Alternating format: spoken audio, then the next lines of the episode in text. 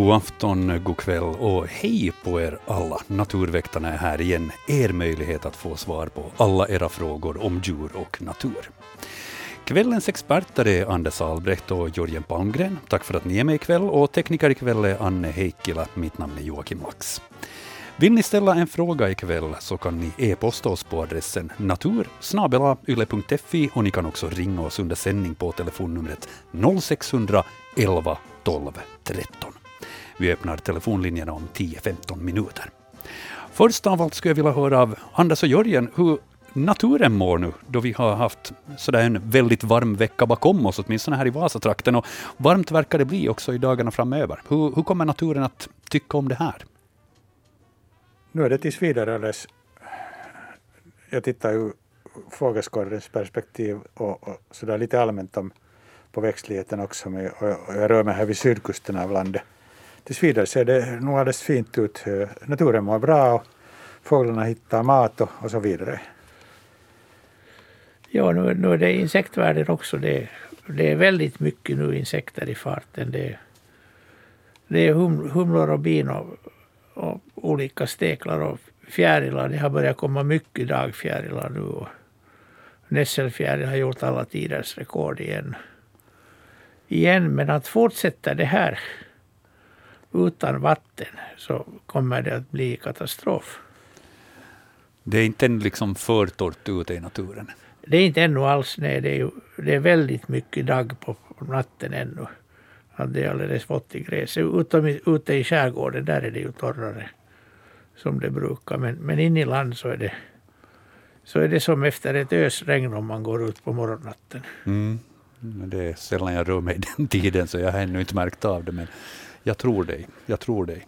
No, men vi, vi ska hoppas att det kommer sen så där småningom lagom mängder med nederbörd. Just nu så tycker jag att vi alla åtminstone kan fälla ut våra solceller och tanka det som vi ska klara ja, oss på sen ja, resten jag skulle av nog, Jag skulle nog vilja ha vatten med samma. Är det så? Ja, mat, ja. Mat, ja måttliga mängder jord. Ja.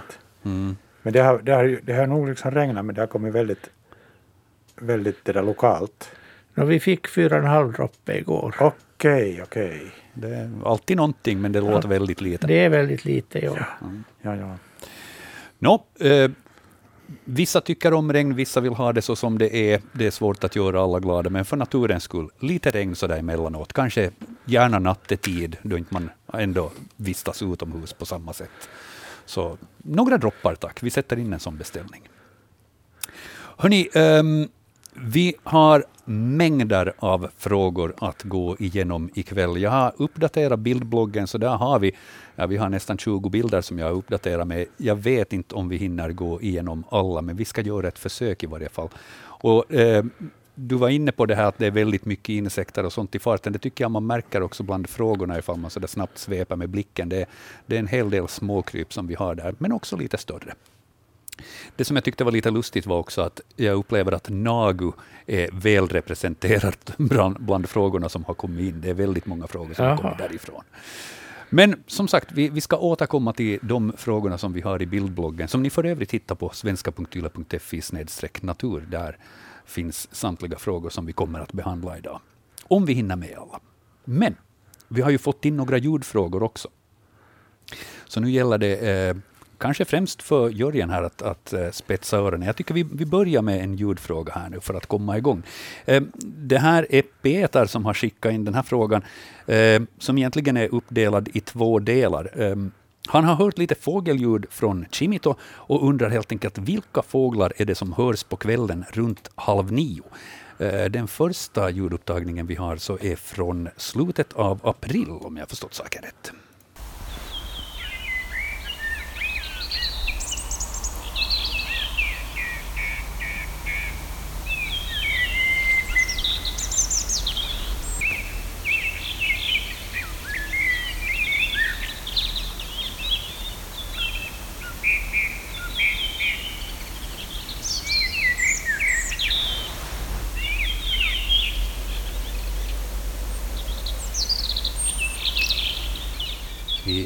För mina otränade öron så låter det som ett sammelsurium av fågelsång, men lyckas du identifiera? Ja, jag förstår dig nog. Det, det, det låter råddigt, men Men det var ganska klart och redigt. Det var dessutom när, när du gav den här datum 27 i fjärde så, så blev det hemskt mycket enklare genast.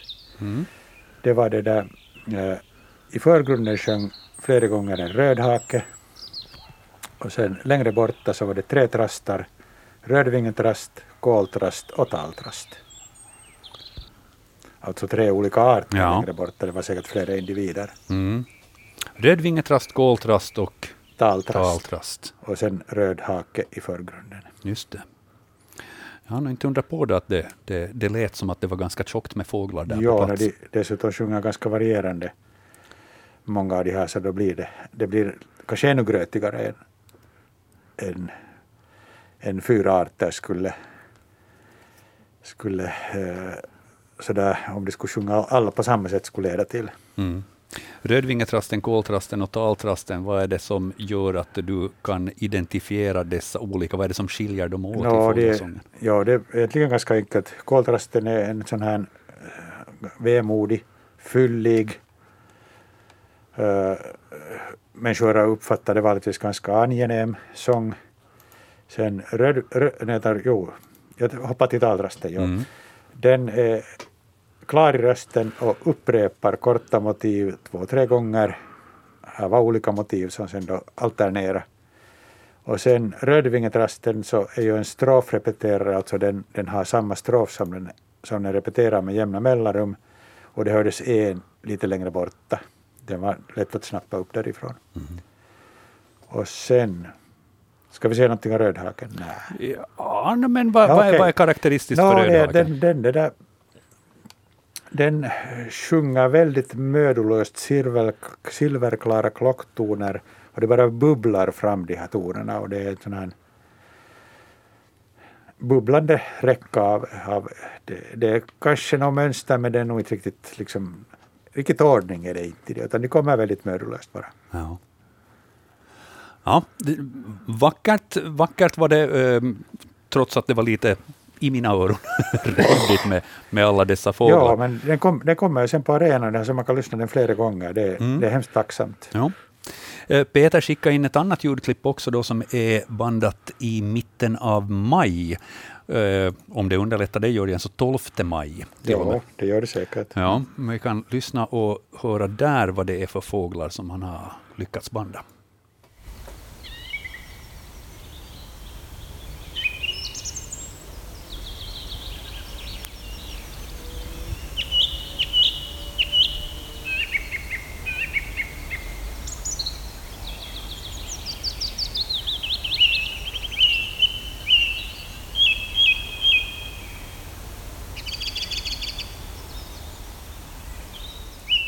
Inte fullt lika många på en och samma gång här. Men, fl- men flera arter. Mm.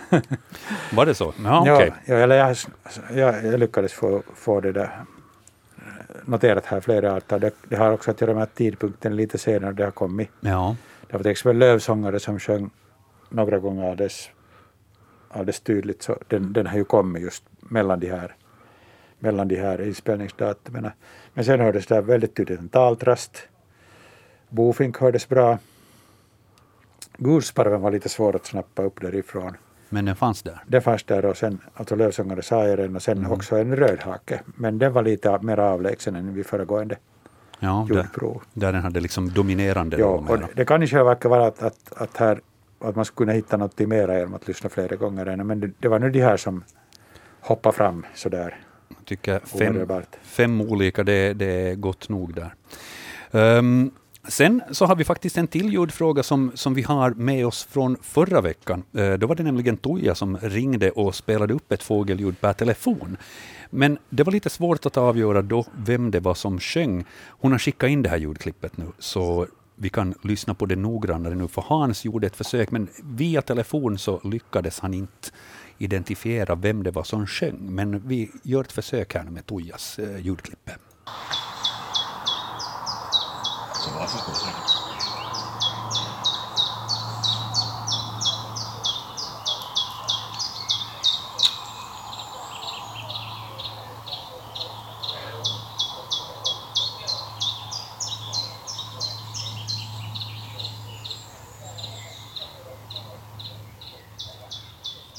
Lite människoröster och ja, annat ljud där det, också. det stör men... inte. Det var, den här som sjöng här i förgrunden var en gransångare. Just det, Världens enklaste när man då lärt- man kan När den. man, har- nej, när man har lärt sig den en gång. Den är, den är lätt om man kommer ihåg det finska artnamnet som är tiltautti. Det är på engelska chiff chaff och tyska zilp zalp och, och på svenska gransångare. Som ju är ett vackert namn men kanske inte lika Ja, onomatopoetiskt. ja, den det strävar till att beskriva häckningsbiotopen. Ja. Men Det det är kan- alltså det här tju, tju, tju. Ja, Det kan nog ha varit att Hans inte hörde den bra i telefonen. För Mm, Det var nog så, det var, det var jag, lite jag, tror, svårt. jag tror nog han känner jo, den här. han känner den utan vidare. Jo, det gör han nog, men det, det var som sagt, vi hade lite svårt att, att höra det per telefon. Ja, Så, men gransångare, ja. då har, vi, då har vi det mysteriet löst. Vi har en till ljudfråga, men den sparar vi till nästa timme. Så, så nu får du vila dina öron på det viset ja, en liten stund. ja, ja. Jag älskar att lyssna på sådana. Ja, de är, och de är alltid lika spännande. Ja, visst. Man vet aldrig vad det kommer. Ja. Eh, vi ska titta vidare bland alla de frågorna som vi har fått in, för till e-postadressen natursnabelayle.fi så har det formligen östs in med frågor, så att vi, vi, vi kommer nog inte att eh, hinna gå igenom alla som har kommit in och inte heller de nödvändigtvis som kommer in under sändningen här, tyvärr kan vi säga. Men vi ska börja gå igenom de som finns på bildbloggen. Um, och uh, jag tycker vi börjar med en som, som eh, 13-åriga Måns och eh, 8-åriga Manuel och deras moster Elisabeth har skickat in. Ehm, de skriver så här. Eh, under midsommarhelgens simturer på sommarstugan så hittade vi dessa musslor på ungefär en meters djup. Stugan ligger på Larsmoens västra sida, ungefär vid Risöhäll och Kakkur. Vi har nu lite frågor till naturväktarna. Vad kan det vara för sorts musslor och hur förökar sig musslor? Det var väldigt många musslor på samma ställe. Betyder det att vattnet är rent eller är det ett tecken på övergödning? Eller är det klimatförändring? Vi kan inte minnas att vi har haft så här många musslor i fjol somras. Eh, men jag tror att vi tidigare haft en bisamråtta i närheten som ätit upp dem och en hel del sjöfåglar, skriver hon. Eh, på närbilden ser man att några musslor har gulgröna bubblor som sitter fast på skalet. Vad är det för något? Och trivs musslorna bäst där de är eller kan man flytta dem till ett säkrare ställe för vi vill inte trampa sönder dem under vattenlekarna? Det här hälsar alltså Måns Manuel och eh, moster Elisabeth. Um, om vi börjar med att titta på, på de här musslorna. Um, vi, vi kan tyvärr inte se exakt hur stora de är. Vi har ingenting som att jämföra med. Men kan man utgående bara från musslans utseende säga vad det är för musslor? Jag, jag kan nog inte med säkerhet säga. Det är åtminstone två, möjligen tre arter. Ja, Och man, man borde, om, om man inte är specialist så borde man ha dem i handen för att kunna känna, känna på dem. Hur de, de finns tjockskaliga och de är tunga och, och tunnskaliga. Och, så att här är uppenbarligen både damm, dammmusslor och flodmusslor. Men vilka arter det är så det vågar jag inte säga. mm. Och de, de kan ju finnas i vissa sjöar så att ofta så där ungefär ungefär så djupt ner att när man, när man slutar bottna så då börjar man känna en massa musslor mellan fötterna. Och de kan, de kan stå så tätt i bottnen att man inte får foten emellan dem. Att de, de som man har högre upp så de är ofta sådana som, som någon har sparkat upp helt enkelt. ja. Och de flyttar nog sig själv till där, där de trivs. Om, om man vill veta hur de gör det så ta ett par musslor i, i ett akvarium och var beredd på att det akvariet sen... För de, de förstör allt där finns. De, det är det som att släppa in en grävskopa i, i växthuset. De är livligare rackare än vad man tror när man ser dem. De, är, de är alldeles hurriga.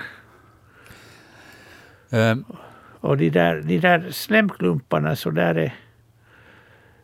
Jag, jag kan inte se nu, men att det, det är fråga om äggsamlingar som är in, bara, bara, bara, inbäddade i slem. Och det är antingen nattsländor eller snäckor.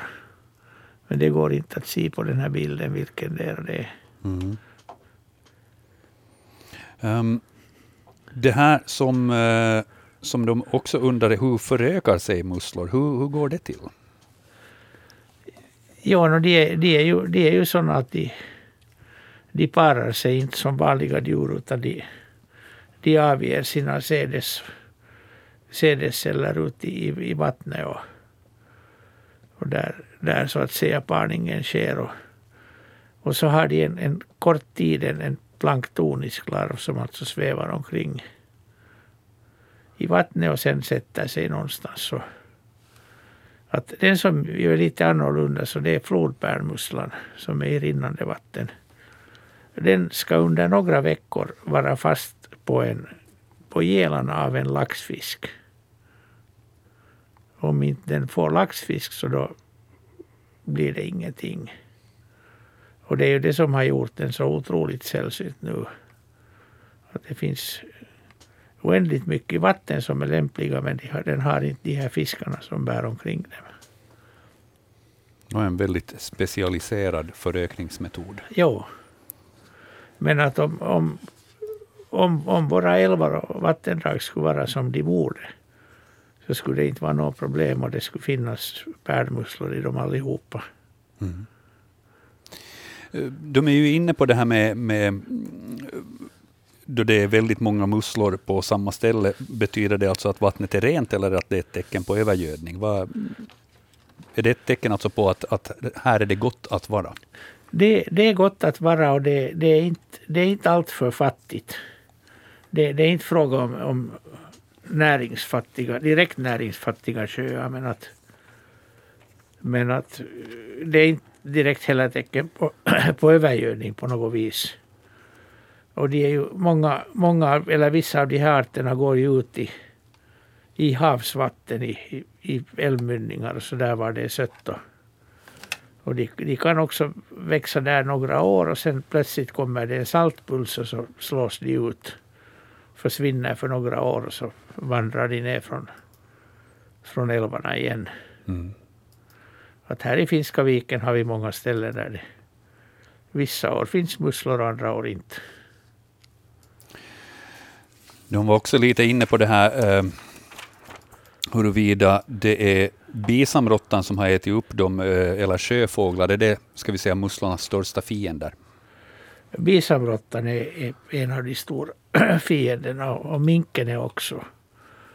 Men jag skulle tro att bisamråttan hör till, hör till de värsta. Den kan samla, samla sen de här de här skalen i, i högar, de kan vara under någon brygga eller någonstans i enorma högar. Men att inte verkar nu musslan minska för det. Eh, hur, hur var det med sjöfåglarna? Hör, hör musslor till deras menyer? No, ejdern äter ju, äter ju musslor, men att den, den är inte i, i sötvatten. Mm. Att det är ju det, det är väl blåmusslor huvudsakligen? Ja, den äter blåmusslor mest. Men, och sen sötvattenmusslor så äter viggar och knipor och svärta och sjöorre och så vidare. Men också men, saltvattensmusslor. Men ät, mm. äter de sådana här stora musslor Nej, inte sådana här stora. Inte. Nej, det, är, det är mindre musslor. Och mer, mera kanske snäckor i alla fall? Mm, jo, både och. Ja. Både och, men att de här sötvattensmusslorna så de är ju huvudsakligen den här typen, sådana här stora hårdskaliga, eller sen är det typ ärtmussla som, som, är, som är väldigt små och väldigt hårdskaliga. Men att om de sväljer dem hela så går det ju bra. Jag kommer att uppdatera bildbloggen med delar av dessa svar som vi får här ikväll, så ni som på det viset blir nyfikna och vill gå tillbaka och titta, så kommer att få ett, en kort sammanfattning av svaren som vi ger här på bildbloggen, lite efter vår sändning då jag hinner uppdatera det. 0611 12 13, det är telefonnumret man kan ringa ifall man vill vara med här i Naturväktarna. Vi har någon som har försökt ringa oss. Vi ska eh, kolla vem som är på den där linjen och säga god afton, välkommen till Naturväktarna. Naturväktarna, det låter bra, men först måste jag beklaga därför att de talar bara finska odota eller så här som de säger. Ja, precis. Inte på Det- svenska. Ja, jag, jag funderar redan att vilket program har du kommit till nu, men det var alltså telefonlinjerna som meddelade. Jo, precis. Nå, jag har en fråga. Ja, Jag har kollat att det är rätt, det är en ask. Jag hade som Krogan Krogerus som min lärare i Sille så att jag vet vad jag frågar nu. Men de här bladen på den här asken är uppätna helt och hållet.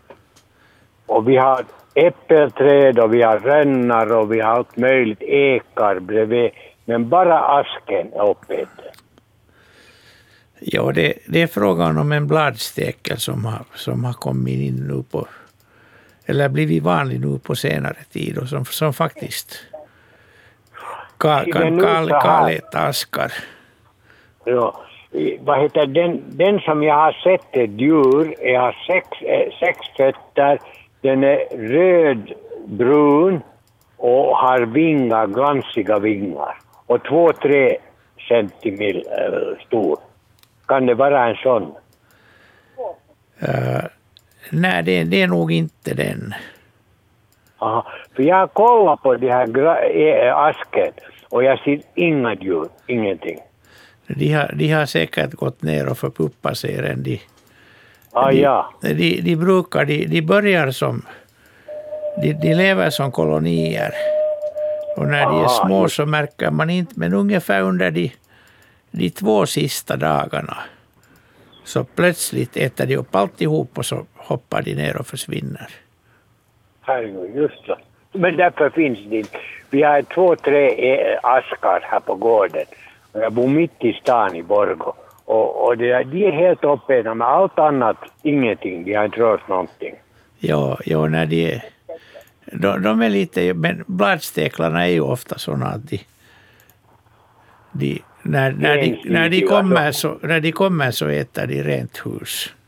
Just så. Okej, no, men då vet jag. Och det är ingenting jag kan göra. Växer de askarna vidare eller dör de eller hur? Nå, de, de klarar nog en, en, en sån här härjning, men att jag undrar... Jag undrar hur, hur många år de klarar det. Just ja. Det, det vet jag inte. Jag kan ju fortsätta att ringa nästa år och berätta. Ja, du får göra det hålla oss uppdaterade. Att om, om, om, du, om du kommer på dem tidigare så det, det är sådana här gröna, gröna larver påminner om fjärilslarver ganska mycket. Just så. Okej, no, men då, då blir jag mycket klokare. Då tackar Tack jag dig för mycket. samtalet och och ha en riktigt skön fortsättning på kvällen. Tack, tack likaledes. Tack. Hej då. Hej. Hej. Bladstekel. Eh, Ja, vad, vad, vad kan man göra för att eventuellt vad ska vi säga, förhindra att de äter upp asken på det här viset flera år i rad? Finns det någonting man kan göra? Nej, ing- ingenting som vi kan rekommendera i den här sändningen Nej. åtminstone. Nej.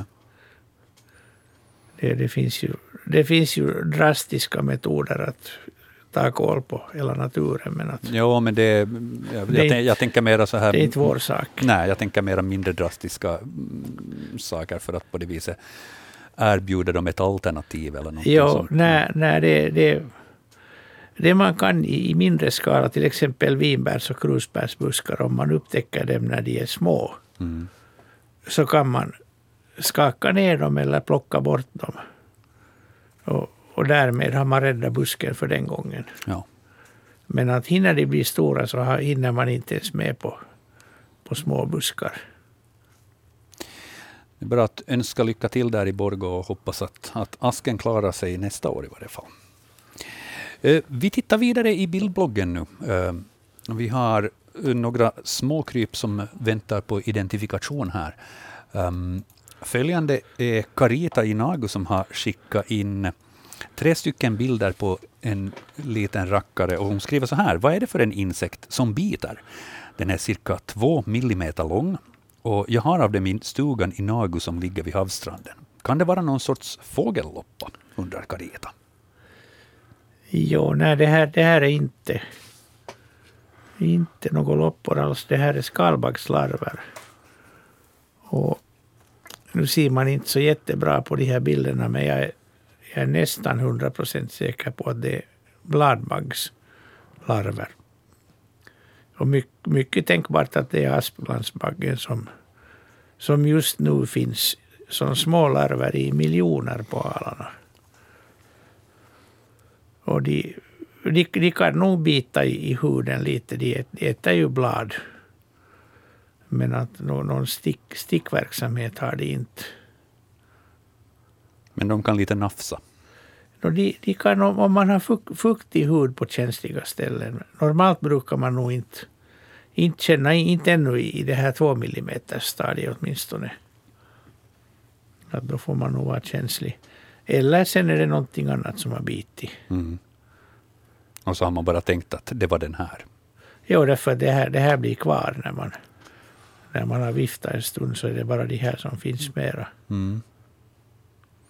Men någon fågelloppa är det inte, utan det rör sig om skalbaggslarver alltså. Ja, okej. Okay. Um, vi tittar vidare på följande kryp som Anne-Maj i Kronoby har skickat in. Hon undrar ifall det här är en guldstekel. Den fanns vid tomatplantorna ute vid villan i Kronoby. Och det här är ju en, en vacker liten krabat. Mm, färgerna här är ju grönt och vad ska vi säga, rött och rosa. Ja, och violett. Och egentligen är den helt svart. Jaha. Men inte på bilden? Nej, för att den, den, den, alltså den har inte några andra pigment än svart. Utan det, det, det är fråga om så kallad strukturfärg. Det, det är sådana mycket fina fin mikroskulptur som bryter ljuset i olika färg på olika ställen. Så den ger, den ger de här färgerna. De kan, de kan ha blått dessutom i sig. Men ganska vanligt är det här just med grönt och, och rött. Som de här. De, de här strukturfärgerna är ju rätt så vanliga i naturen. Till exempel blåvingar och guldvingar är egentligen mörkbruna utan någon vacker färg alls. Mm. Det är samma, samma fenomen. Men att det här, det här är en guldsteke, ja det säger hon helt, helt rätt. Och den har antagligen varit och besökt blommor och sen söker den upp stekelbon, ofta i, i hål i trä. Den kommer gärna i sådana här eh, insekthotell också. Går och lägger ägg i, i andra andra steklars bo där den lever då som parasit. Ja. Så att, men vack, vackra djur. Väldigt vackra. Jag blev bara så förvånad när du sa att den är egentligen helt svart. Ja. Jag tänkte säga nej, det är den inte. den är allt annat. Och ni går in på bildbloggen och ser hur vacker den är i sina färger, trots att den är då helt svart.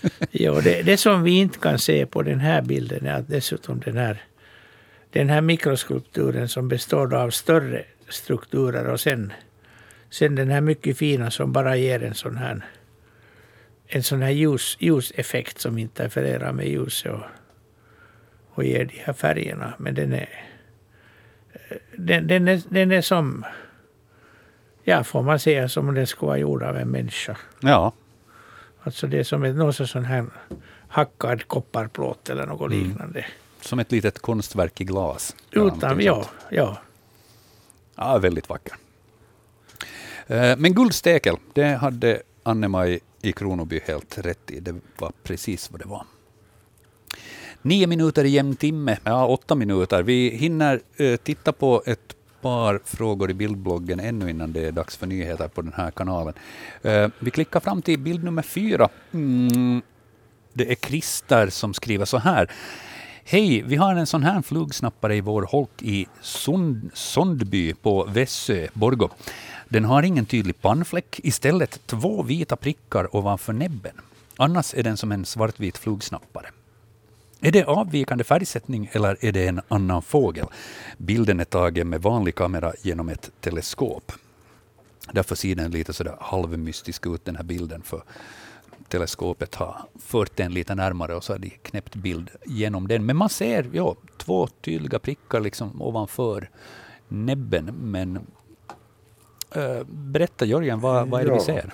Ja, alltså det, det här dubbel, vita dubbelfläcken där vid vid, eh, ovanför näbbroten är ju ett könskännetecken att alla svartvita flugsnappar hanar har den här vita dubbelfläcken.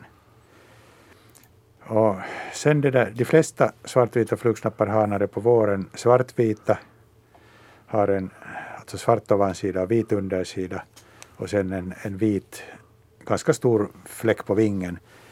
Men en del av de här hanarna är, är, de kan till och med vara ganska bruna i själva verket, men, men oftast så där, vad ska vi säga, de är lite gråare och, och den här färgvarianten så tenderar att öka ju längre österut vi går.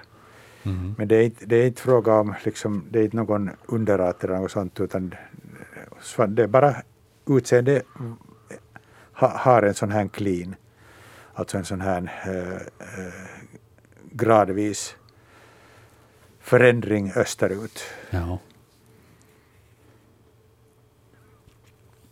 Men alltså helt, helt normal på det viset svartvit flugsnappar? Ja, men det, det kan vara att om man till exempel har en fågelbok där, där, där bara svartvita hanar är avbildade så kan man bli lite fundersam. Att vad, vad är det här nu då sen då? Att är, det något, är det något annat? Mm.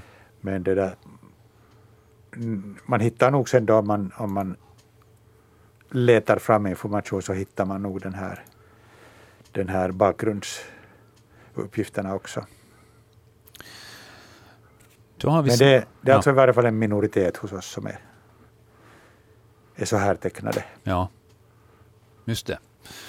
Det är spännande att det kan förekomma sådana variationer liksom inom...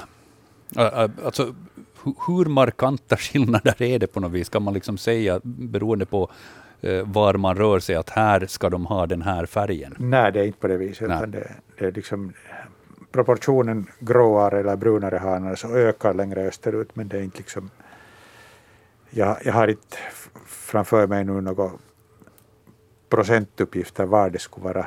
vara att det är nödvändigtvis inte väldigt stor skillnad, men man har noterat det här att det, det finns en sån här. Mm. Okej, men svar där åt Christer. Och könskännetecken för hanar är de här vita prickarna ovanför näbben. Ja. Mycket bra. Um, vi kunde egentligen titta vidare också i bildbloggen. På ett, det, det, här kom som ett videoklipp faktiskt. Eh, det som Tom har skickat in här. Men eh, jag har tagit ut ett par stillbilder och hoppas att man utgående från dem kan, kan ge Tom goda råd och, och, och svar på frågan helt enkelt. Um, han skriver så här. Sju fjärilar enligt den här videon då, flög mot sommarstugans väggar i över tio minuter på Ramsö i Nagu. Vad kunde vara orsaken till detta och vad heter fjärilen som är på bild? Um, om vi börjar med att identifiera fjärilen. Ja, då vi kan ju ta orsaken först. Ja, okej, okay, men då, då tar vi den vägen. Det är ju kvinnan som ligger bakom alltid. Just det. Och det här är, en, det här är hanar av ekspinnan. En av våra stora, stora ädelspinnare. Och de, de kläcks då på morgonen. Honan blir att sitta någonstans och sänder ut feromon och hanen flyger omkring med en omåttlig fart över terrängen i zigzag lågt över, över terrängen och med sina enormt buskiga antenner så pejlar den in, in honor. Och det krävs verkligt bra buskar i antennerna för den flyger i hett solsken där, där alla dofter späds ut väldigt snabbt. Och de är så effektiva de här feromonerna att sitter det en hona där så är det vanligen en 5 till 20 hanar som hittar den samtidigt. Och så har man dem där omkring. Och det, det är vad som har hänt här. Det är ett roligt skådespel. Därför samtliga sju fjärilar som håller på att stånga sig här mot sommarstugans väggar. Ja, när, när den första av de här då lyckas lokalisera honan och sätta igång parningen så då är det stopp på feromonen och så får man se de här rest, resten sex hanarna flyga besvikna bort åt skogskanten. sorgset. Har du Anders någon aning om var den här honan skulle kunna sitta i det här fallet?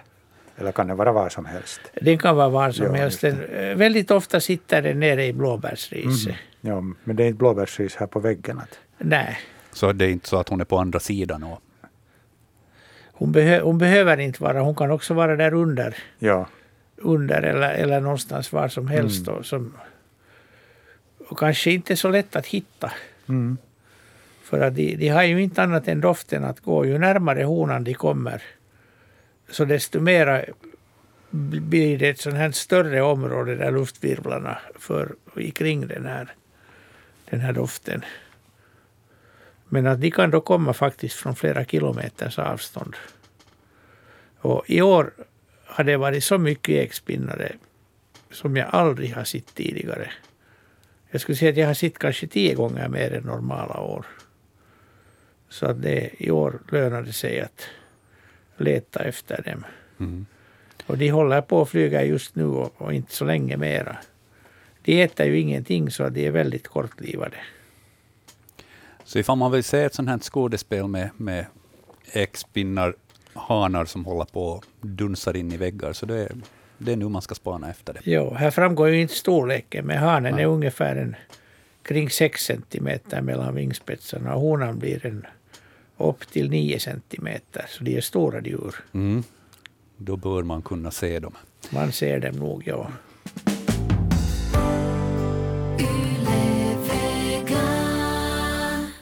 Vi kommer snart att eh, besvara era frågor som ni har, men innan det så ska vi lyssna på andra delen i vår serie om artglädje och biologisk mångfald. Den här gången så kommer det att handla om björnen. Visste du att för att hitta ett björnide så lönar det sig att titta mera uppåt och omkring sig i naturen än ner på marken?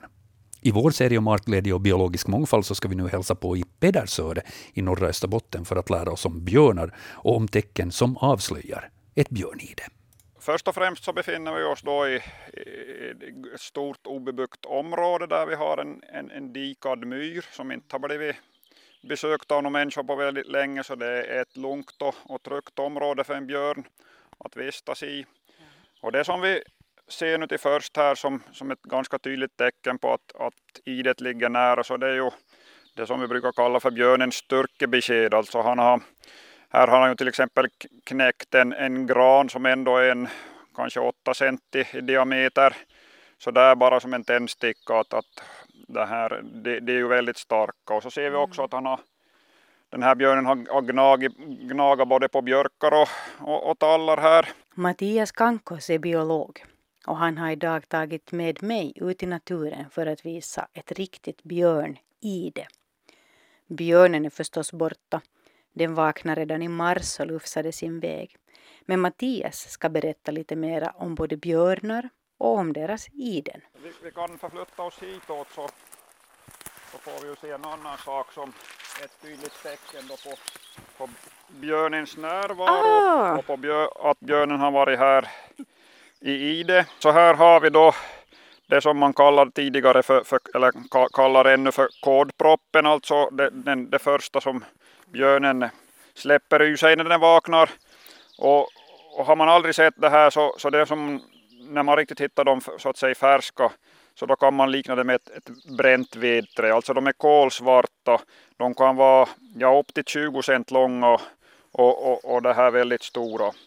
Och det här är ju nog så pass stora bajskorvar att, att, att ser man det här så förstår man ju nog att, att det är ett större djur. Så är det nog ju att det här går ju inte att, att mista för någonting annat tycker jag att det, det är ganska tydligt. Så skrap marken på trän och bajskorvar, stora sådana. Ja, ja, det är ett tydligt tecken. Sen ska vi då flytta oss lite närmare själva idet. Så vi går här genom den här skogen och här är, är det här utgrävd mark? Här är en sån här hög med, med det där, Det eller vad är det? alltså- Det här är alltså björnen som har grävt det här. Alltså det ser ju nästan ut som man ska ha tagit två skopor med en jättestor grävmaskin och, och, och grävt här i en, en diks, dikeskarm. Alltså det är ju en helt, jätte, jätte, jättestor hög med mark helt enkelt. Ja, så är det. Och, och då det här har vi ju själva idet här som nu precis som det ofta tyvärr tycks gå för björnarna här, jag vet inte vad det beror på, men det här björnidet har då rasat igen i något skede. Om det då har gjort den här björnen så att säga stiger upp eller, eller om det har i senare skede så, så kan jag inte svara på, men, men det är helt klart att det här björnidet så, så, så har så att säga rasat sönder. Mm. Beskriv lite vad det är, hur det ser ut nu och hur du tror att det har sett ut då när den har liksom varit där. No, det här är, är på det viset, man, man lär ju sig från skolböckerna att, att björnen går i det och det är en, det är en gammal myrstack, då det är ju det där klassiska. Men av de iden vi har hittat så, så vet jag, känner jag bara en myrstack, till ett björn i den myrstack.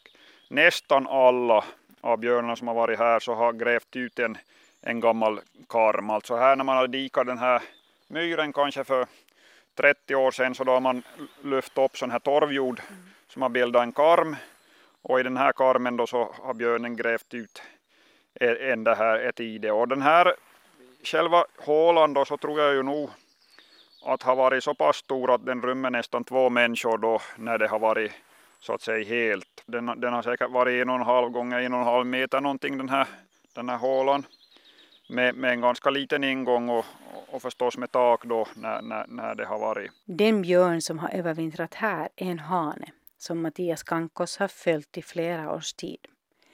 Björnen och andra stora rovdjur hör faktiskt till de arter som klarar sig riktigt bra i vår natur just nu. Så skulle vi här där vi befinner oss nu rita en, ska vi säga en, en, en cirkel med en radie på, på 2-3 kilometer så skulle vi säkert hitta Ja, jag tippar närmare 10 björn i den. Det här är ett område där, där det har funnits ganska många björn i den. Ja, vi har väl hittat, hittat fem, sex men vi tror att det ska finnas fler här som, som man inte har hittat då. Ja, jag brukar kalla det här nog lite för, för Finlands förvildning, alltså det, det som, som håller på att hända här. Nu, nu är vi ju där, där vi befinner oss idag, Pedersör är ju inte, inte typexempel på, en, på ett sån här avfolkningsbygd, men du behöver inte gå mycket långt österut till, till kom till sådana ställen där det faktiskt som håller på, alltså man ser, ser det så tydligt att att det här det är hela, hela byar och gårdsgrupper som har i ett, ett svep och när folket, folket flyttar bort så då flyttar speciellt de här stora rovdjuren in istället och återtar sådana ställen där de inte har varit då nästan på ja, 400 år kanske. Fascinerande där. Eh, Ilse Klockars var det som hade talat med Mattias Kanko. Så är det så att du vill veta mer om vad det betyder till exempel när björnar ligger på korg, alltså har ett ID ovanpå marken, så då kan du lyssna på en längre version av intervjun med Mattias Kankos. Den hittar du bland annat ifall du går in på svenska.yle.fi natur. Där finns också en artikel som heter Skrapmärken på träd och stora bajskorvar. Så ser det ut vid ett björnide. Där kan man se de här bilderna. Och eh, jag har själv aldrig stött på ett björnide ute i det vilda, men fascinerande att se hur långt bland annat björnen har sträckt på sig längs trädstammarna och lämnat skrapmärken här. Hur är det, har ni snubblat över björniden? Anders och Jörgen? Nej, Nej jag, jag har inte. Jag har, jag har nog upplevt mycket, mycket färsk bajs. Jag också. Sån där ry, rykande ja, varmen. Ja, ångande, just det. Ja. Ång, ångande, men inte inte i den och inte... Jag har inte sett en björn heller i, i frihet. Inte jag heller. Nej, jag har tyvärr också bara sett mm. i, i, i i vad heter det, såna här djurparker och, och, liknande. Det är närmaste jag har kommit. Jag, jag har sovit tio meter från en björn, men att den, den gick bara förbi vårt tält. Mm. Ja. Gott så, får man väl ändå säga. Nej, men eh, väldigt fina bilder som finns i samband med den här artikeln. Och där är som sagt också en, en längre intervju med eh, Mattias Kankos. Eh, och där är också en bild på det här, just att eh, hur en björn har legat så att säga på korg, alltså ett, ett ide ovanpå marken. Mm, det är som ett, ett jag tänkte säga ett fågelbo, men ett, ett väldigt slarvigt sådant i så fall. Men Gå in på svenska.yle.fi natur så hittar ni den artikeln där och kan lyssna på den här längre versionen av intervjun. Nåväl, från björnar över till någonting avsevärt mindre. Vi ska titta på nytt i bildbloggen eh, och se vad vi hittar för fråga. Det är mm, en bild som Kerstin Sjögård i Lappträsk har skickat in. Eh, hon skriver så här, jag skickar in en bild på vad vi tror att är fjärilar. Vad är det för fjärilar och vad gör det? De är här på vår vägg, skriver hon. Um, ja, vad de gör så har jag en aning om och uh, eventuellt så ska jag väl kunna dra till med någon form av artbestämning. Ja. jag överlåter det definitivt hellre åt experterna. Anders, jag, jag berätta, tror, vad är det vi ser? Jag tror nog du ska träffa rätt. Det, det är ju lindsvärmaren som är... Den börjar bli ganska välkänd nu. Jag vet mm. inte hur många tiotals gånger vi har haft den här. Ja, men den upphör inte att fascinera. Nej, för den är ju den är så typisk med sin, sin terrängdräkts ja. färger. Och, och det, det är honan vi har till vänster här och den har den, den kan inte flyga. Den har högra vingarna har misslyckats på den. Så den, den kan para sig. Och, och fjärilarna parar ju sig så här bakvänt så att säga. Ända mot ända. En, ända mot ända. Och, och det där, hur, det, hur det går sen, för, för, för hon borde då kunna flyga upp i, i träden. Alltså det är björk, björkal och lind som hon lägger ägg på. Och normalt så är det så att hon flyger en stund landar på ett blad, lägger ett ägg och så flyger hon igen en stund. Och det betyder att äggen normalt sprids över ett stort område. Men nu borde hon då utan att kunna flyga lyckats ta sig upp i träkronorna.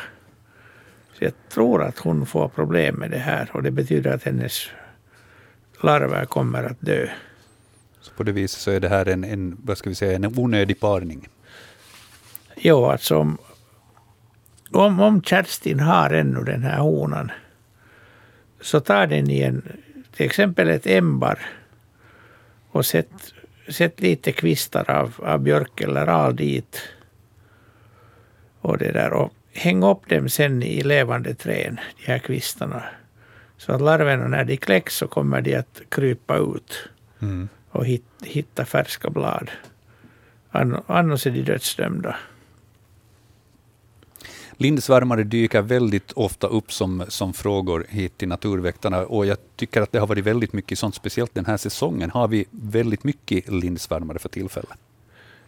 Vi, vi har en hel del svärmare överhuvudtaget nu, mm. nu i farten. Att just, just nu hos oss så är det poppels, poppelsvärmaren som är, är mest i farten. Men, men vi har lind och, och videsvärmare och flera arter faktiskt. Och de fortsätter ännu, ännu en god, god tid in på sommaren. Mm. Om vi tittar på följande bild i bildbloggen, ehm, där har vi inte en, en lindsvärmare, men vi har någonting annat. Ehm, det är Bettan Inago som skriver, är det en nattfjäril som sitter i lobelian tidig kväll? Ehm, Fjärilen sågs alltså i Nagu och den satt med vingarna utbredda och hade en rödaktig fläck på vardera vingen tills den drog ihop dem och gjorde sig mindre. Vad är, vad är det hon har fotograferat här? Det här är videsvärmaren. Lindsvärmarens nära släkting som, som beter sig på samma sätt. Flyger, flyger på natten och in, inte besöker blommor. Så den, den suger inte nektar ur lobelian. De här vill ha öppen nektar, de har väldigt kort snabel så att mest är det bladlös, bladlösens honungsdagg som de lever av. Men att den är sån att om, om den blir skrämd så lyfter den upp framvingarna och då är bakvingarna är röda med ett mörkblått öga i mitten. Och den lyfter ut de här ögonen och stirrar ilsket på en. Som en varningssignal och utmaning. Jo, och det, det vet man att åtminstone ovana hackspettar lämnar den i fred omedelbart. Att det, jag skulle säga att det, det liknar det är ett uggleansikte. när det plötsligt öpp, öppnar sig. Ja. ja det, behöver inte, det behöver inte vara så mycket mera för att få hackspettar och liknande att backa lite. Ja, men det, det har nu visat sig åtminstone i i, i bur att hackspettarna mycket snabbt lär sig nog. Men att i naturen så tror jag inte de har chans så hemskt många gånger i sitt liv att stöta på en videsvärmare. Mm. Men videsvärmare är alltså det som Bettan hade sett i Nagu, det får vi fylla i där i bildbloggen småningom. Telefonerna blinkar eh, och pockar på uppmärksamhet. Vi får säga god afton, välkommen till Naturväktarna. God afton, god afton. Det var Gunvor från Jakobstad. Hejsan. Och det gäller måsar. Ja. Vi hade, i, vi hade i söndags på eftermiddagen ett väldigt skri med måsar här utanför höghuset, ett femvåningshus. Och de har antagligen haft bo på taket. Och när vi gick ut och se så låg en död måsunge på asfalten. Och den var sådär brun, ljusare och mörkare brun. Så att den var ju ganska ung. Och den var död. Och de skrek de här måsarna och dök och skrek och dök. Och så tog jag och la den, den där i en svart påse och la i avfallskärlet på gårdsplan.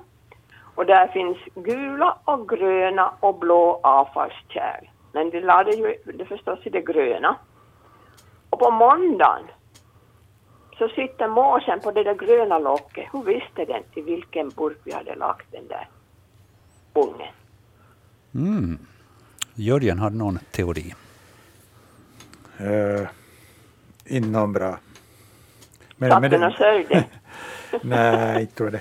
det, där, eh, det kan först konstatera att fem våningar är ju ganska, ganska högt fall och, ja. och, och ofta så kan de nog klara sig, särskilt om de inte hamnar på asfalt eller betong. Men det var asfalt. Det ja, var, asfalt. No, det, var, det var säkert det som var Nej, den var nog fullständigt, det såg vi jo, jo. den var nog liksom, ja, ja. fanns inte något ja, ja, just det. Ja. Ja, det, det, var, mm. det var lite otur där då. Ja, men att det var lite fundera att, att sörjer de också mm. liksom när de går till det ställe där den, där den, den avlidne ligger? No, ja, om ni har satt den i en svart påse och, och, ja, och kastat in, in den, så den, den kan, den, jag tror inte den, alltså, det kan vara att jag underuppskattar nu fiskmåsens observationsförmåga, men jag tror att den inte klarar ändå av att, att dra, dra sådär liksom långtgående slutsatser var den är, ja. utan den, den råkar bara sitta på det kärlet. Kanske... Ja, och när det, både det gula och gröna så är bredvid, varandra. Ja, så därför borde ja. vi fundera, ja. månne den visste precis vart vi la den? Ja, jag skulle säga att det har mer att göra med att det är kanske intressantare dofter i det gröna kärlet. Ja, jag vet. ja, det kan ju vara ja, det är säkert på det viset. Ja, men, nej, men det ligger nog så tätt på det där ja, just det. det ja. Kom, ja, men nu kommer det ändå, det kommer ändå dofter ja, ut. Ja, det var, och de visste. No, ja. Mm. För de följde ju med allt vad vi gjorde. Jo, de, de seglade ju ja. på oss hela tiden och skrev. Men, men hade den några fler ungar då, eller var det?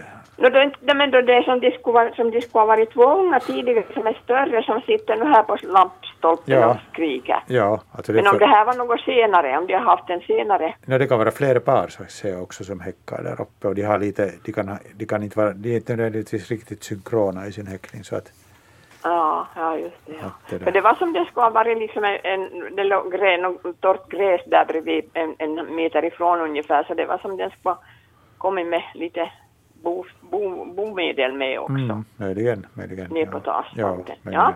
ja. No, men då är det det. Ja. Vi, vi, vi sa vi ska ringa och fråga så ja. får vi veta hur det är. Ja. Bra. Men ni fick, inte, ni fick inte veta exakt, ni, ni fick bara gissningar på hur det är. Ja, men vi fick det. men tusen tack. Vi tar det som en, men, men som en mänsklig företeelse. Ja, den satt och sörjde en dag. Ja, ja. ja Okej, okay. ha det bra. Tack mm. detsamma. Ha en ja, riktigt skön Tack, hej då. Tack, hej. hej. De klarar ju alltså förvånansvärt höga höjder, de här ja. fiskmåsungarna, när de ja. hoppar ur sitt bo. Ja, det stämmer. Jag satt och bevittnade här eh, veckan före midsommar, så hade vi fiskmåsungar som hade kläckts uppe på vårt tak. Och det är en lämplig höjd att hoppa ner från, men de, de klarar sig alla ja. sen när de vågar ta det här var det, språnget. Var det tre våningar eller? Ja, det är, det är ett tvåvåningshus som är rätt högt i och för sig, men där är det vad ska vi säga, grus och lite terrass i närheten. De, de klarar det här fallet ja. samtliga.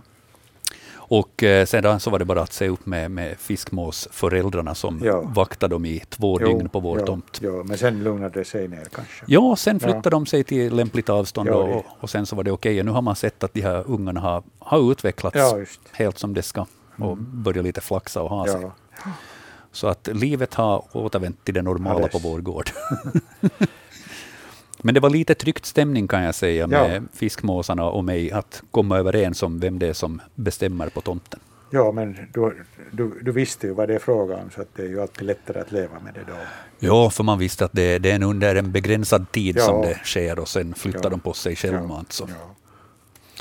det var bara att, att leva med det. Men ja, eh, hög höjd klarade de av, så att du menar att ifall, ifall underlaget skulle ha varit annat än asfalt, så femvånings eh, höghus är inte ett problem för dem att Ja, komma ner borde, från. det borde nog lyckas, ja. men, alltså, det kan ju, den kan ju komma tokigt ner och bryta nacken och sånt. Mm. Men är det så helt enkelt att de här fågelungarna, de är så pass mjuka på något No, de, vis? är, de väger så lite och de är mjuka och de, de har kanske, det beror lite på vilket skede de också hoppar, att de kan ha hjälp av vingarna så de kan lite bromsa upp som fallskärmsaktigt. Och det finns många olika orsaker till att det, det lyckas det här hoppet. Mm. Och ute så där i naturen, om inte det skulle vara höghus, så då kunde det gott och väl vara höga klippor eller någonting Eh, liknande. Helt möjligt, ja. Och det, där, där är också underlaget sen då väldigt varierande, beror på var, var det finns. Men det där. Ja. ja, men okej. Um, huruvida den då sörjde på, på den gröna den gröna containern, så det, det, det, det lämnar vi mer Ja. som en Ja, mänskligt beteende. alldeles. Ja, så är det. Vi tittar vidare i bildbloggen. Eh, Vi har kommit fram där till bild nummer åtta. Det är Bengt som undrar kort och gott, vad är detta för växt? Eh, Hur ska vi beskriva de här? Mörkgula, nästan orangea kronblad. Ja, de är, de är mörkgula. De är kanske lite mörkare på bilden än i naturen. Ja. Och det hänger ihop med att göra att gult är väldigt svårt att få rätt på foto. Mm. Den, den, liksom, den blir lätt för mörk. Att lite, lite ljusare är de. Men, men det som är karaktäristiskt är, de här, den har fyra kronblad. ja. Vilket, vilket då skulle typ tyda på en korsblomsterväxt. Men att det här är inte en sån utan det här är en, en vallmoväxt som heter skelört. En sån här kulturföljeslagare som finns på, på många ställen just på gamla, gamla herrgårdar och städer och, och så där och är väldigt lätt att flytta. Många tycker om att ha den. Ha den. Det man också känner igen på den är om man bryter den så har den så har den en senapsgul mjölksaft. Just det. Har den någon speciell doft? Den har ing- ingen speciell doft. Och den, man ser att de är ganska unga de här blommorna men de har, liksom de korsblommiga så, så har de, har de lång pistill alltså som om de skulle ha en skida. Ja. Och det kommer de att få också skidor sen. Så att de, men de, de hör då till en helt annan grupp av växter. Är det så att de finns så här i liksom några enstaka exemplar eller växer de i stora områden? Det, det brukar vara, vara i exemplar eller i små rader. De kan vara i, i gamla städer så är det där mellan huset och asfalten i de här springorna här och där dyker de upp. Och, och längs, längs murar och, och ruiner och sådär. Att inte, inte, de fyller inga ytor men de kan nog liksom bildar sådana här små bestånd. Skelört får vi meddela åt Bengt att det är det som han har fotograferat. Sen från, eh, från växter till någonting, någonting helt annat, tänkte jag säga. Men, men en, en, en, en fråga som vi ganska sällan ändå får till, till naturväktarna, så den här handlar om, om sten och berg. Eh, det är Alf, Eh, eller Affe som, som har skickat in en bild eh, på berg som går i ljusgrått med mörkare, eh, väldigt spännande mönster som går i streck och, och partier. Och jag, mm, svårt att beskriva, men vackert är det. Han skriver, jag undrar om det finns någon förklaring på detta bergs, vackra bergsfenomen. Det ser nästan ut som om det skulle vara inskuret i berget. Är det här någonting som ligger inom era expertisområden? Eller borde vi Inte- kontakta inte en mitt, geolog? Inte mitt åtminstone. Ja, inte mitt heller. Det är alldeles, alldeles utanför. Så att, Vi får helt enkelt konstatera att eh, det har vi ingen förklaring till, men eh, vi kan försöka ta reda på. ja. Och så kan vi skicka vidare den här bilden till, till någon som vet. Och är det nu någon som går in på eh, Svenska Yle och eh, hittar den här bildbloggen och ser den här bilden och vet vad det beror på, så skicka gärna in till natursnabelayle.fi ett svar, så kan vi ge det den vägen istället. Eh, följande eh, är en bild som Bror har skickat in. Den är tagen med en övervakningskamera på hans gård. Och jag har förstorat den här bilden, så på det viset så, så finns den liksom i två exemplar här. Um, han skriver kort och gott, vilken fågel är det här? Och uh, på övervakningskameran så är det en fågel som har fastnat på bild och uh, det ser rätt lustigt ut för den har vingarna infällda på den här bilden, så det, det ser ut att sväva av enbart egen vilja. Så är inte fallet, den har nog säkert flugit igenom bilden, men, men vingarna är ändå infällda. Men lyckas man utgående från den här bilden eh, artbestämma den här fågeln? Vad är det för en fågel det rör sig om? Ja, tack för att du förstorade den här, för att på telefonskärmen så fanns det ingen chans på, det, på originalet att komma underfund med vad det är. Men det är alltså en gråsparvhane. Och jag är säker på att, att den här liksom posén här är sådan att den, den, den, den liksom tittar på kameran. Den, den finner det på något sätt intressant och därför den stannar upp på det här viset. Mm. Kamerans runda lins. Mm. Kanske ser lite ut som ett holkhål. Ja, men man ser här alltså, man ser här att den har svart haklapp som är, som är ganska långt ner på bröstet. Man ser att den har grå gässa, man ser att den har en en fröätarnäbb och så här passligt knubbig mm. tätting. Mm. Allt passar riktigt fint på gråsparvhane. En liten, en liten ljus strimma också där. No, ja, det är, så, det är stora solen ja. närmast som, som gör att det liksom som framhäver en sån här strimma där det inte på något sätt känns för gråsparven. Inte. Okej, då hade vi svar på den också. Och medan vi ändå talar om fåglar så är det kanske dags för uh, ljudfråga igen. Vi har nämligen en till på lut här. Eh, det är familjen Jensen som har skickat in också en fråga från Nagu. Jag sa ju att Nagu är överrepresenterat nästan i kvällens sändning. Ehm, de skriver så här. Hej, vi är intresserade av att få veta vilket djur eller vilken fågel som döljer sig bakom detta ljud. Ljudet är ett återkommande högt pip som hörs på videon. Ljudet hördes till och från under hela midsommarhelgen, speciellt på morgon och kväll. Ljudet hördes från vår grannholme i Nagu skärgård. Um, vi får spetsa öronen.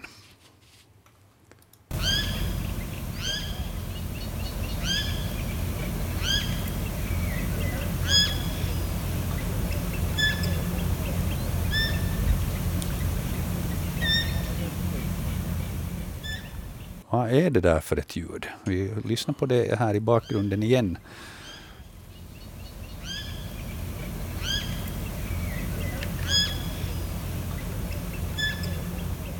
Det är ju andra fåglar där också som ja, man kan höra sjunger, kvittra. Ja, där sjunger en rörsångare så det är kanske en bladvassrugg eller någonting sånt. Mm.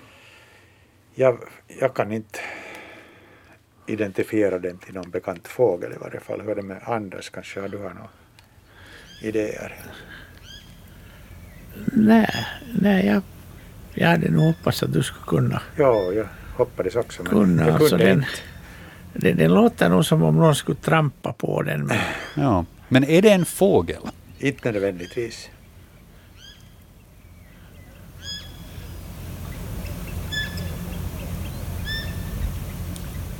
Ja, det, det är så regelbundet. Ja.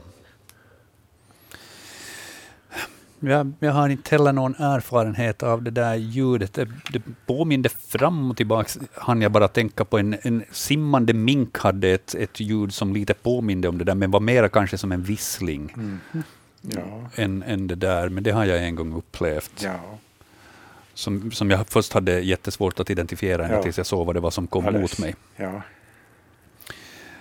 ingenting som säger att det är en fågel med andra ord. Det nej, kan vara någonting nej, annat också. Ing, ingenting liksom.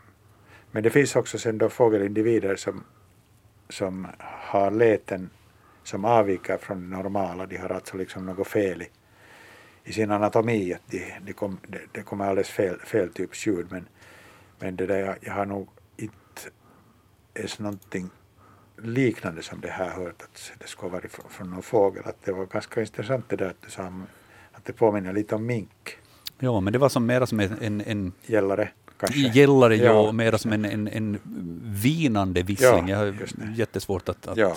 förklara det på något Mm. bättre sätt, men det var sådär i, i frekvensen så var det kanske lite samma, så att det kom ganska sådär taktfast. Mm. Ja, men okej, vi har inte svar på alla frågor. Nej. Och vi kunde säga att där fanns en rörsångare. Jo, Så gott så. Eh, Familjen Jensen får nöja sig med det svaret för tillfället i varje fall. Och så får de skicka fler ljudupptagningar ifall de hör samma ljud en gång till och så kanske de kan beskriva lite mera ifall det var någonting annat också som... ja, det finns ju dessutom på nätet också olika hjälpmedel där man kan, man kan ha, ha skicka in ljudet och få en möjlig bestämning, ett förslag i varje fall till Mm. bestämning. Mm, Men tack i alla fall för den ljudfrågan. De är alltid lika spännande tycker jag. Så fortsätt skicka in. Det, det är skoj då man får lite skärpa öronen. Um, telefontråden blinkar. Vi säger god afton och välkommen till Naturväktarna. Hallå! Hej, Hej! Vem är det som ringer? det är Jan Hermansson här från Kyrkslätt, men ärendet gäller det där bifurkationssjön vesijakoi i Padasjoki. Och där vi har varit 23 somrar nu i en hyresstuga. Och nu var det första gången så att när vi kom dit till, till, till stugan och det är en gammal stockstuga som är flyttad och där är ett sånt här hål som är, som är ungefär A4 gjort med motorsåg och där är en, en, en det där ventil sen som man, som man skjuter med två, den är delad liksom i, i två delar. Man kan skjuta, skjuta upp den och sen om man vill så kan man ta bort båda fanerskivorna så får man lite dr- genomdrag. Och nu Ja. var där ett fågelbo på den andra halvan så att vi, vi, vi fick bara halva genomdraget när det var hett. Och det där, vi tittade sen där lite och fågelmamman kom flygande. Så fort man kom lite närmare från insidan, steg på soffan, så flög, flög hon iväg snabbt. Men vi fick en glimt av de där ungarna, vi såg sådana skalliga små, små huvuden, tre stycken där. Och, och sen fågeln eh, gick inte riktigt att känna igen. Jag, jag fantiserade att den hade gröna vingar, men att det är möjligt att det var, det var lite, solen sken inte rakt där och man såg alltid, hon var hemskt snabb att fara iväg. Så kom den här hårda stormen här i veckan och sen efter det så hördes det bara ett pipande och inget, inget moder. Inget flaxande, inget, inget som kom och, och for och, och det gick några dagar och så kom barnbarnen dit och vi, vi blev oroliga över det där att modern kommer inte och så, så tänkte vi att om vi är mask och vi satte en stege upp där bakom och till vår stora förvåning så, en tändsticka, en vässad tändsticka och när barnen gav uppifrån så öppnade den munnen och den här ungen och då var det bara en kvar. Och det där den åt sen, vi, vi kunde mata den. Och modern sen, den, den förde nog ett väldigt hårt väsen, ett sånt pipande. Den var mycket bestämd med att, att, att kalla på, på mat och den åt ganska mycket. Och så, så det där, mm, vi tyckte oss höra modern, någon fågel komma dit och vi, vi ekorren kröp där omkring också kring väggarna. Jag tänkte nu är det färdigt med den men att men sen tittade vi på den efter ett par dagar och, och den var inte jättestor. Den hade fyllt hela boet och den var sådär brun, grå, ljusgrå, spräcklig och, och, och det, det liksom att kan det vara en, en gökunge som har blivit lagd dit? Är frågan. Ja. Vad tror du, Jörgen? Inte det omöjligt. Har ni någon bild på Nej, tyvärr. djuret? Ja. Nej. Men den åt maskar Ja. och den, den, den var det där väldigt snabb med näbben kanske de Ja. alla är och, och, och så hade den, ja den hade barnbarnen så att den hade liksom avförning. Att första masken som vi matade så Så den, den sket genast och så Ja. åt den upp skiten. Just, aha, just så, okej. Ja, en del. Åtminstone deras version. Och Ja. De är nog skärpta på det sättet. Ja. Att, och det där, men vi, vi kom, åkte bort därifrån, vi lämnade sen en sån här låda med mask där Ja. på marken att om någon mor eller någon, de vill mata dem. Men, Mm. men hur, vad är liksom, hur har naturen, evolutionen fått till stånd ett sånt finurligt så att säga trojansk häst att de lägger ett ägg i, i, i andras bo.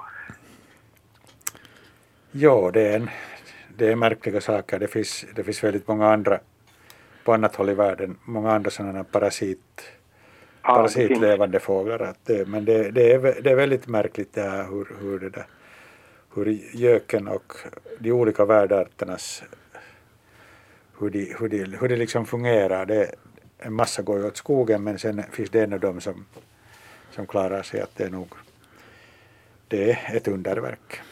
Det är ju mycket, ju- ju- mycket vanligt i insektvärlden med det här Okej. gökbeteende. Men det är alltid gökmamman som kommer och matar. Nej, nej. Nej, Gö- Gökmamman bara lägger ägg just. i olika, i sin, sin, och specifikt i en, en, en viss arts bon. Hon lägger, hon lägger kanske tio, tio ägg och vi tänker väldigt vanlig, vanlig sån här värdart, till exempel rödstjärt. Så hon lägger, hon lägger ett ägg i, i tio olika rödstjärtsbon och, och det där. Sen efter att hon har lagt äggen dit så har hon ingenting att göra med, med det där boet mera. Just.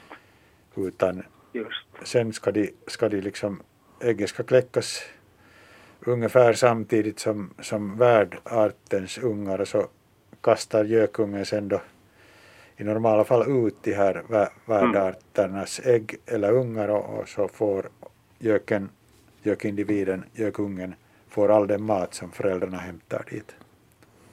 Så i det här fallet när det först var tre fågelungar och sen var det plötsligt bara en, så, Så det är helt möjligt att det var just som ni gissade att det var en, en gökunge där. Men, Ja, den här värdfågeln, den, den, den glimten som jag fick, jag Ja. tyckte att jag hade den skymtat i något grönt och den var nog väldigt liten, så där Ja. ja. parv och, ja. och kan det vara kungsfågel? nej, det liksom kan, inte- nej, det kan är inte vara. Det, nej, det är inte alternativ. Den, den är för Just. liten. Och den häckar Ja. upp på ett sådant här ställe att det var, det var nog någon annan. Att, Just. Det skulle vara skojigt om Men- skulle haft det där foto på det där. Nej, tyvärr. Ja. Ja. ja. Men jag har en annan fråga som Ja. jag har skickat foto på faktiskt dit en gång. ja. Och den är från Rokua geopark där 80 kilometer sydost om Uleåborg från vintern. Den är skickad någon gång i 13 mm, april tror jag ungefär. Men jag har försökt lyssna på de här programmen. Jag tror inte att jag fått något svar på den. Ursäkta i så fall om ni har behandlat den men att det var ja. det var, det är så speciellt ställe med de där, eh, de där långa åsarna, sandåsarna och den där suppa, jag kommer inte ihåg vad den hette på svenska, det var något fint, fint där namn på sådana här stora gropar och där är, där är sådana tallmarker som jag skidade 60 kilometer jag såg inalles sex björkar, bara tallar. Och de där tallarna är beklädda med skägglav. Och den här skägglaven, den, den hänger, på foton ser man att den, den hänger i sån en spiral runt den där, den där tallstammen. Ja, jag hittade den här bilden nu i e-posten och, och, och den är ju väldigt mörk också, den här skägglaven här på bilden. Ja, ja. Så det där, frågan är den att jag har jobbat med trä och jag vet att speciellt i norra Finland hur de där, de där martallarna, hur, de, hur, de, hur träverket liksom växer så där spiralt. Att är det så att, att den har varit så länge där på att, att den har liksom, trädets växt har fått den att, i, i spiralform eller har den, har den liksom själv bildat den här spiralen? Det var frågan. Det, det är nog mycket möjligt att det är trädet som har, som har gjort det. Alltså de, de växer i spiral därför att den här inre kärn, kärnveden dör ju och slutar växa och den här yttre veden, veden växer och, och blir då för lång för, för stammen och då måste den gå i spiral för att inte, inte spricka sönder. Och de här lavarna är ju väldigt, väldigt långlivade. Ja. Om, om det var mörkt så var det tagellav och inte skägglav. Just ja, mörk var det. Ja. Och den, den, de, de växer ju omåttligt långsamt, speciellt på sådana här fattig, fattiga ställen med tallbark där de, de får ingen annan näring än vad som kommer från regnet som ju borde vara ganska rent där. Ja, det, det är fint. Så att de, de, de hänger med och, och de här tallarna när de blir äldre, när den här kärnveden så att säga styvnar till så, så de kan ganska snabbt vrida sig i spiral sen. Just så det, är det någonting som sker snabbare i norra Finland än i söder? Och det, det, det sker oftare där därför att de här torrakorna här i söder, så de är oftast försedda med rotrötter så att de, de står ett par år och sen faller de ner så att man, man, Ja. hin, man hinner inte se dem ens och så ruttnar de bort på nolltid. Ja, men, Men- det, här var levande, det här var levande träd. Det här var Ja. Ja, men att de, de var, de var då man tack vare den här laven kunde man spåra den här spiralvridningen. Man behövde inte skala barken av dem. Precis. Just då. Men det här var frågan. Jag får tacka så mycket och önska en trevlig sommar. Detsamma, ha en riktigt skön fortsättning på kvällen. Tack, Bra. hej. Tack, hej. Ja, eh, fint att vi fick behandlat den där frågan också, för den hade lämnat från april, så på det viset, det var ju också ett sätt att, att få svar på den. Men eh, jag märker, vi har 16 minuter lite drygt eh, kvar av programtiden. Vi, vi behöver titta vidare i bildbloggen. Ehm, här är en fråga som förmodligen går att behandla ganska snabbt. Det är Nina i Nagu igen, eh, som eh, har hört av sig och skickat in en bild på en orm. Ehm, hon undrar helt enkelt, är det här snok eller hasselsnok? Eh, de hade den här ormen vid bastutrappan och de såg inga tydliga gula fläckar på huvudet, men pupillerna är runda. Är det alltså en snok eller hasselsnok som inte lär ska finnas på fastlandet? Så skriver Nina. Eh, Då man tittar på den här bilden så eh, upplever ju jag att det här är ett ganska klart fall. Jag upplever det också. Hur är det med Anders? Ja, för mig är det en Ja, snok. ja, för mig också. Man ser, Utan, utan vidare. Och, och- och för mig är Nago nog inte fastland. Ja, nej. Så att, men vad jag vet så finns väl inte hasselsnoken i Nago. I alla fall, men att Mm. det, här är, det här det är klart en snok det här. Den fyller många kriterier Ja. och man ser ju, vad ska vi säga, antydningar till gula fläckar kan man Ja, väl det- tänka sig. Ja, det, det finns ju olika varianter. De kan vara fläckarna väldigt diffusa. De kan saknas helt också. Ja. De, de saknas helt, men man, man ser på fjällen alltid att det där fläckområdet går alltid att identifiera. Mm. Också om det är samma färg som bakgrunden. Och det här är ju eh, tidigare ormbilder som vi har fått in till Naturväktarna till exempel den här säsongen, så där kan det ha varit lite svårt att se huvudformen och se ögonen och sånt. Men på den här bilden så är det ju väldigt självklart nog med Det är en väldigt, väldigt bra bild den här. Ja. Vackert exemplar också. Det ser Ja. välmående ut. Ja, så där kan vi säga snok, helt enkelt, kort och gott åt Nina. Ehm, följande eh, så är två stycken bilder bredvid varandra. Um, och det är Torolf på Emsalö som skriver så här. Eh, Djuret på den ena bilden torde vara en mink. Min fråga gäller om man vet hur stor minkstammen är på Emsalö där bilden är tagen och om den är så stor att den utgör ett hot mot till exempel fåglarna. Minken är väl inte naturligt förekommande på Emsalö. Vet man hur den har kommit hit? Minkuppfödning har veterligen inte förekommit på ön, men kanske på närliggande områden på fastlandet. Sedan på den andra bilden, också från Emsalö, Varlax, där finns en för oss okänd fågelart, en bergandshona kanske, men den borde väl inte finnas i dessa trakter, så skriver alltså Torolf. Um, om vi börjar att titta på, på bilden till vänster som, eh, som ju torde vara en mink, va? Det är mink. Det är ja. mink utan vidare. Ja, och det finns ju överallt, överallt längs hela kusten och, Ja. och överallt. Så det, man behöver inte ens fundera varifrån den har kommit, för den har kommit någonstans ifrån. Och det finns det finns ställen på alla håll därifrån det kan ha kommit till Jämsalö. Mm. Men stammens storlek där har jag ingen aning om. Nej, inte, inte jag heller. Inte. Men att den är säkert så stor att den utgör ett hot. Ja, Ja, eh, och den utgör ju specifikt ett hot för bland annat fåglarna. Ja, uttryckligen. Så minken är ju på det viset eh, en av de här djuren som, som vi kanske som naturväktare har lite svårt att förhålla oss till. mm. För att den, den hör ju inte hemma på det viset i vår natur. På det viset att det är en införd Nej, art nej, den- som har smitit ut. Den, den hör inte hemma. Men det är ju inte minkens fel. Nej, det är det inte. det är människans. Minken gör vad Nej. minken gör. Och människan gör fel. Ja, Vad, hon- vad hon än gör. så är det. Ja. Så är det. Men okej, då, har vi, då har vi den delen av frågan avklarad. Eh, Men om vi tittar på högra sidan då på bilden. Um, Torolf eh, undrar ifall det här är en bergandshona, men eh, vad, vad är det vi ser där, Jörgen? Vi ser en mörkbrun, djupt liggande sjöfågel och gult öga. En näbb som är sådär, ska vi säga måttligt stor och så finns det lite ljus där på näbbbasen. Sen tycker jag mig se ett litet hack där i nacken. Mm. Alltså en, ett, hacke betyder alltså en, lit- ett litet spår av en tofs men det är väldigt, väldigt otydligt när man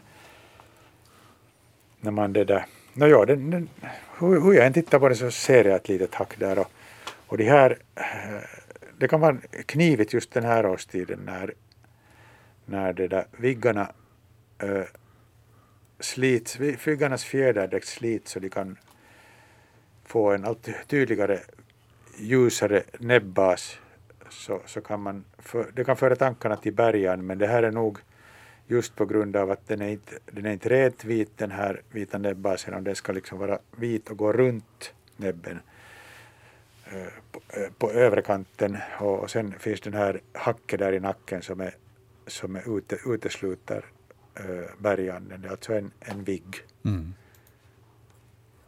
Men den är klurisk. Det är lite klurig, ja. Men Vigg får vi meddela Ja. där. Och Torolf att det, han har sett, det är det som han har sett på Emsalö. Ja, eh, vi hinner en bra bit på mm, bildbloggen och alla de frågorna som har kommit in. Eh, Tyvärr så hinner inte besvara alla de som kommer in här under sändning, men vi tittar vidare i bildbloggen och, och eh, här har vi som näst så har vi en, en fjäril framför oss. Eh, Kristina i Borgå har skickat in den och hon skriver den 27 juni så såg jag denna fjäril mitt på dagen. Jag har ej sett den tidigare. Hon undrar ju förstås vad det är för en fjäril. Väldigt, väldigt ljus röd i sina färger och eh, vad annat hittar vi här för intressanta Ja, den- den är- kännetecken? Det, det, är, det är egentligen sådana här ljus, ljusa, ljusa tallbarksfärger det är frågan om. Mm. Och lite de här vita banden. Och den, det är en fjäril som heter barrskogsmätare. Och den, den är anpassad att sitta i bland barkflagor på, på tallstammar. Att den, den är väldigt väl dold när den är bland sådana lösa flagor som lite viftar i vinden. Och sitter den där. Och lever också på tall huvudsakligen hos oss. Den förekommer också i en grön form som är mycket sällsynt hos oss. Men till exempel längre söderut i Danmark så, så är en stor del av de här barrskogsmätarna gröna. Men den här är då den här färgen. Och, och det som är intressant med den här att, att honans feromon har, har något sån här kol, kolväte, sådana aromatiska kolväten i sig som finns i bland annat i tobaksrök. Jaha. Att det där, jag har hört eh, gamla historier om fjärilssamlare som då, då före det fanns av de här kvicksilverlamporna och sådana som lockade till dem. Att de helt enkelt tände en tobak och så kom fjärilarna till dem. Tips där till smygrökande tonåringar. De kan Ja. skylla på att de har försökt locka till sig barrskogsmätare. Ja, det, den, den går nog att hitta, speciellt man går ut i skymningen så flyger den omkring där och den är inte alls svår att få tag på. Mm. Eh, Kristina säger att hon inte har sett den tidigare. Förekommer den här liksom ändå allmänt? Den är allmän, men den är ju, den är ju aktiv under den mörka tiden av dygnet. Så att på, dag, på dagen sitter den då mest uppe där i tall, tallkronorna och tallstammarna. Mm. Och sen om man nu går ut och ser när de flyger så man ser ju inte teckningarna på dem.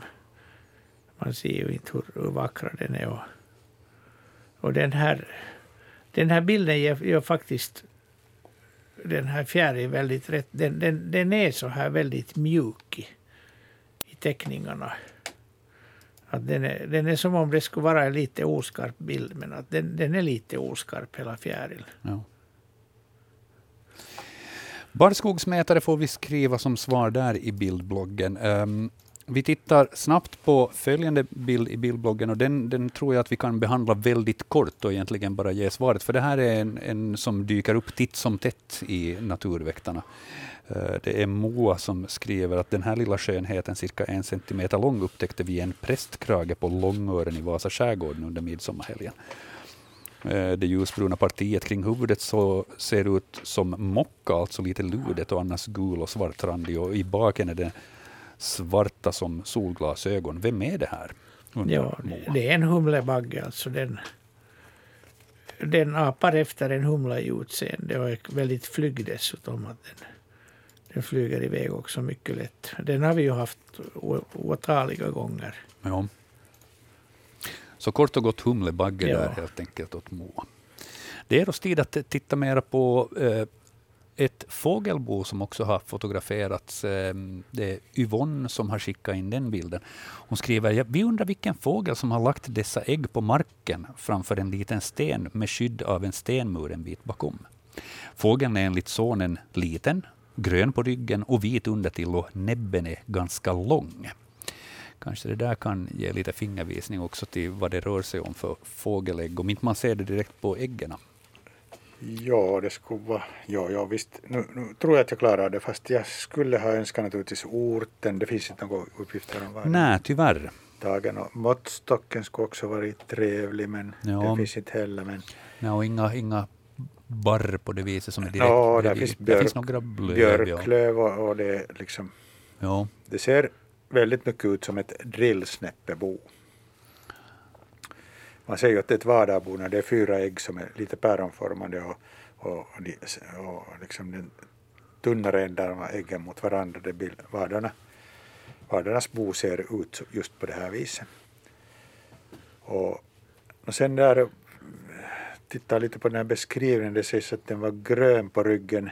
Det kanske är en risk för att den har tolkats fel, att den i själva verket är brun på ryggen. Den är Mm. medelbrun drillsnäppan, men den har en ganska lång, lång näbb och, och det där är vit undertill och, och det här stället passar också väldigt bra på drillsnäppa. Så, så en väldigt, väldigt det är inte riktigt säkert men mest sannolikt en drillsnäppa.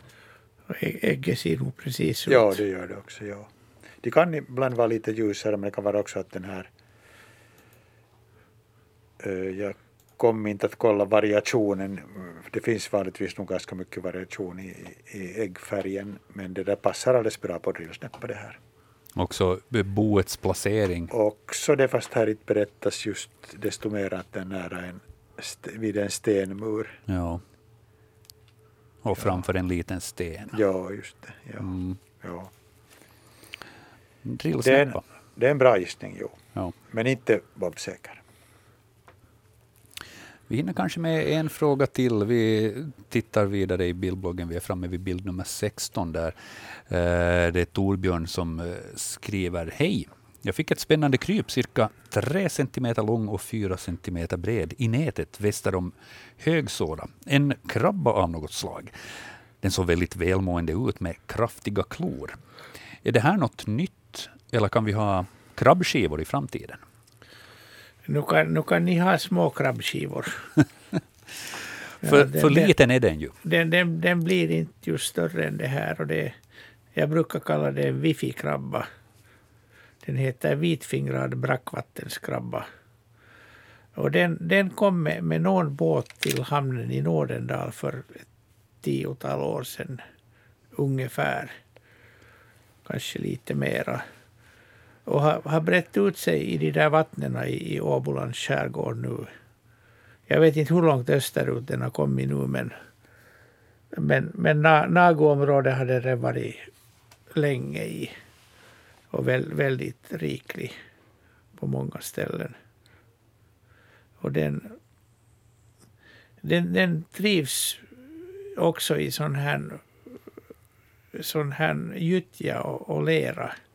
Att den gräver ner i det där så att den, den trivs bra i de här motafjärdarna som där finns ganska mycket av. av jag vet inte hur den är att, att fira skiva på. Jag tror att det är ganska lite. Det där är ingenting man slungar i smör, tror jag. Nej, Eh, för som du sa, den, den blir inte mycket större än det där. nej, åtminstone inte hos oss. Nej, Den är stor som en tändsticka, det ser man på bilden också. Ja, Okej. Eh, vitfingrad brackvattenskrabba. Vitfingrad den passar ju bra in på klorna, de är ju väldigt ljusa Jo, till färgen. Jo, på finska heter den bara liejuta taskar, taskurapu. Vilket är ett kortare och fiffigare namn nog. Men jag tycker wifi-krabba är ganska bra. Wifi-krabba får vi döpa om den till. Det känns som om det ligger mera i tiden. Det är ett modernt namn i Ja. alla fall. Ja. Eh, oj, hinner vi besvara följande fråga på en minut, månne? Det är en utmaning. Mm, frågan är kort eh, och Anders får förbereda sig på ett koncist svar.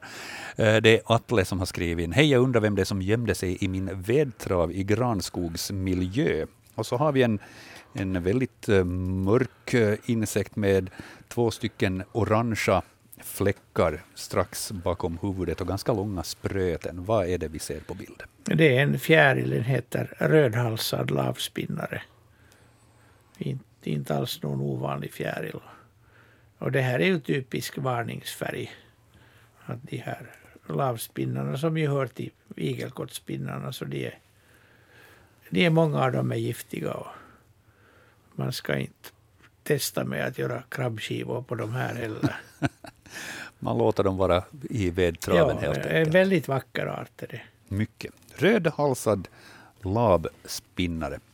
Eh, alla de här svaren kommer jag att uppdatera i bildbloggen som ni hittar på svenska.yle.fi natur så kan ni gå och titta där. Klockan har blivit så pass mycket så det är dags för mig att helt enkelt säga tusen tack för sällskapet. Tack för expertisen Anders Albrecht och Jörgen Palmgren och stort tack också till Anne Heikkila som skötte det tekniska. Eh, nästa vecka då är det Anders och Mimma som är experter och Hasse Sundqvist är då programledare. Det återstår för mig, Joakim Lax, att önska en riktigt skön fortsättning på sommaren här nu under juli månad. Ni kunde ha gjort vad som helst annat ikväll, men ni valde att lyssna på oss och det uppskattar vi varje gång lika mycket. Stort tack!